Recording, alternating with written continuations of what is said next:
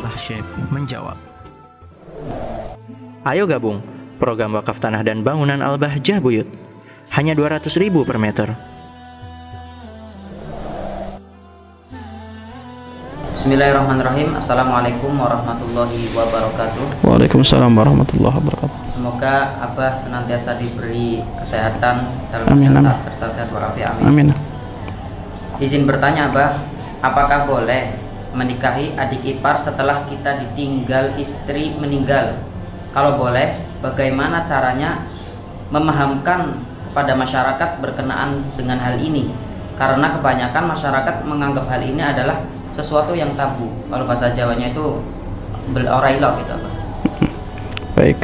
Menikahi adik ipar di dalam syarat Islam jika masih dia kumpul dengan kakak iparnya maka jelas ini nggak ha- haram karena tidak boleh mengumpulkan dua saudara dalam satu pernikahan itu nggak boleh haram.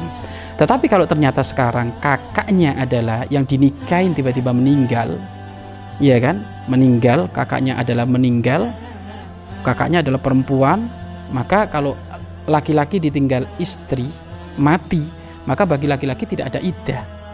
Nah kalau seperti itu bagaimana? Boleh, boleh, boleh ada di, di menikahi adik iparnya ini. Boleh menikahi adik iparnya. Kenapa?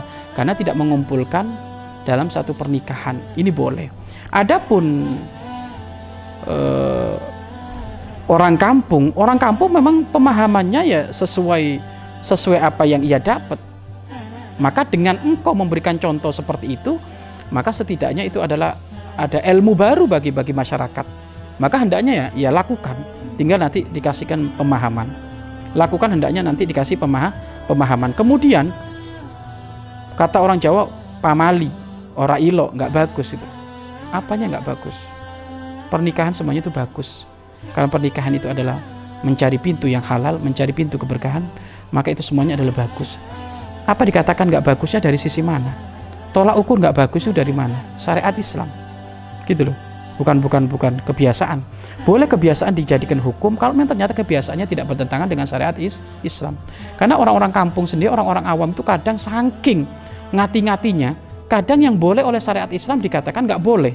Loh, kalau seperti itu kan ini pemahaman yang harus diluruskan.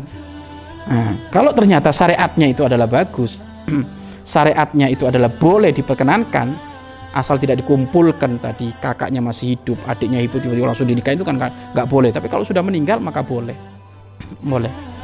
Malah kalau secara secara secara tabiat ya kedekatannya semuanya sudah saling mengenal, ini malah lebih lebih bagus gitu, tidak masalah, tidak apa-apa. Makanya pamali hal itu ya tidak perlu dianggap Ora ilo itu tidak perlu dianggap karena tidak berasas kepada syariat Islam. Maka bismillah, yang penting nikah karena Allah, niatnya adalah untuk menjaga sunnah Nabi, untuk mengamalkan sunnah Nabi, untuk menambah keturunan, untuk terjauhkan dari hal-hal yang yang diharamkan, maka insya Allah berkah pernikahannya. Wallahu a'lam bishawab.